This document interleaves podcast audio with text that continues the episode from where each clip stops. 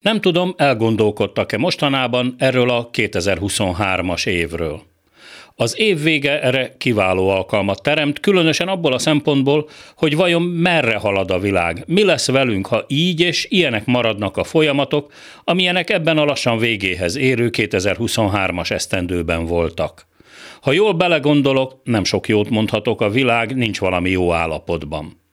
A Földön óvatos becslés szerint is 8 vagy 9 állandósult kemény katonai konfliktus zajlik, kisebb-nagyobb intenzitással és sok tízezernyi halottal és megnyomorított emberrel, meg emberi élettel.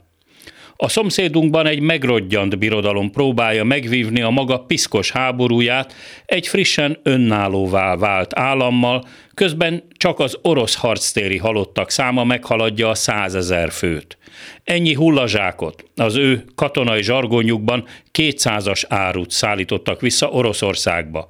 Nem beszélve az általuk csak 300-as árunak nevezett sebesültekről, akik további megnyomorított életüket mankóval vagy művégtaggal élhetik le, Oroszország mostoha anyácska nagy büszkeségére.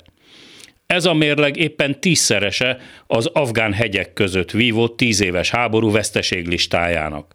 És akkor még szó sem esett Ukrajna lemészárolt egyenruhás fiairól és lányairól, az elpusztított és számkivetettségbe taszított civilekről.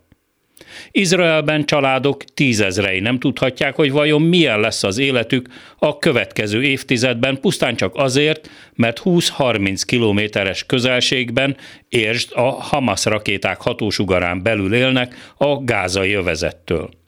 Gázában pedig több mint két millió palesztin nem talál hazát és menedéket, életük kilátástalanabb, mint a beton romhalmaz, ami között majd túlélniük kell.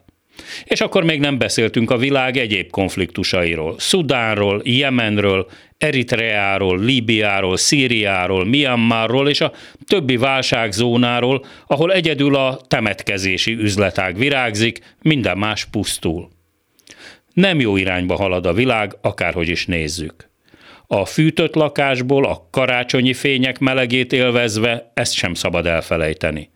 Erről is lesz szó Jeszenszki Géza volt külügyminiszterrel, akivel a mai rendhagyó esti gyorsban beszélgetek. A mikrofonnál Hardi Mihály, a hírek után azonnal kezdünk.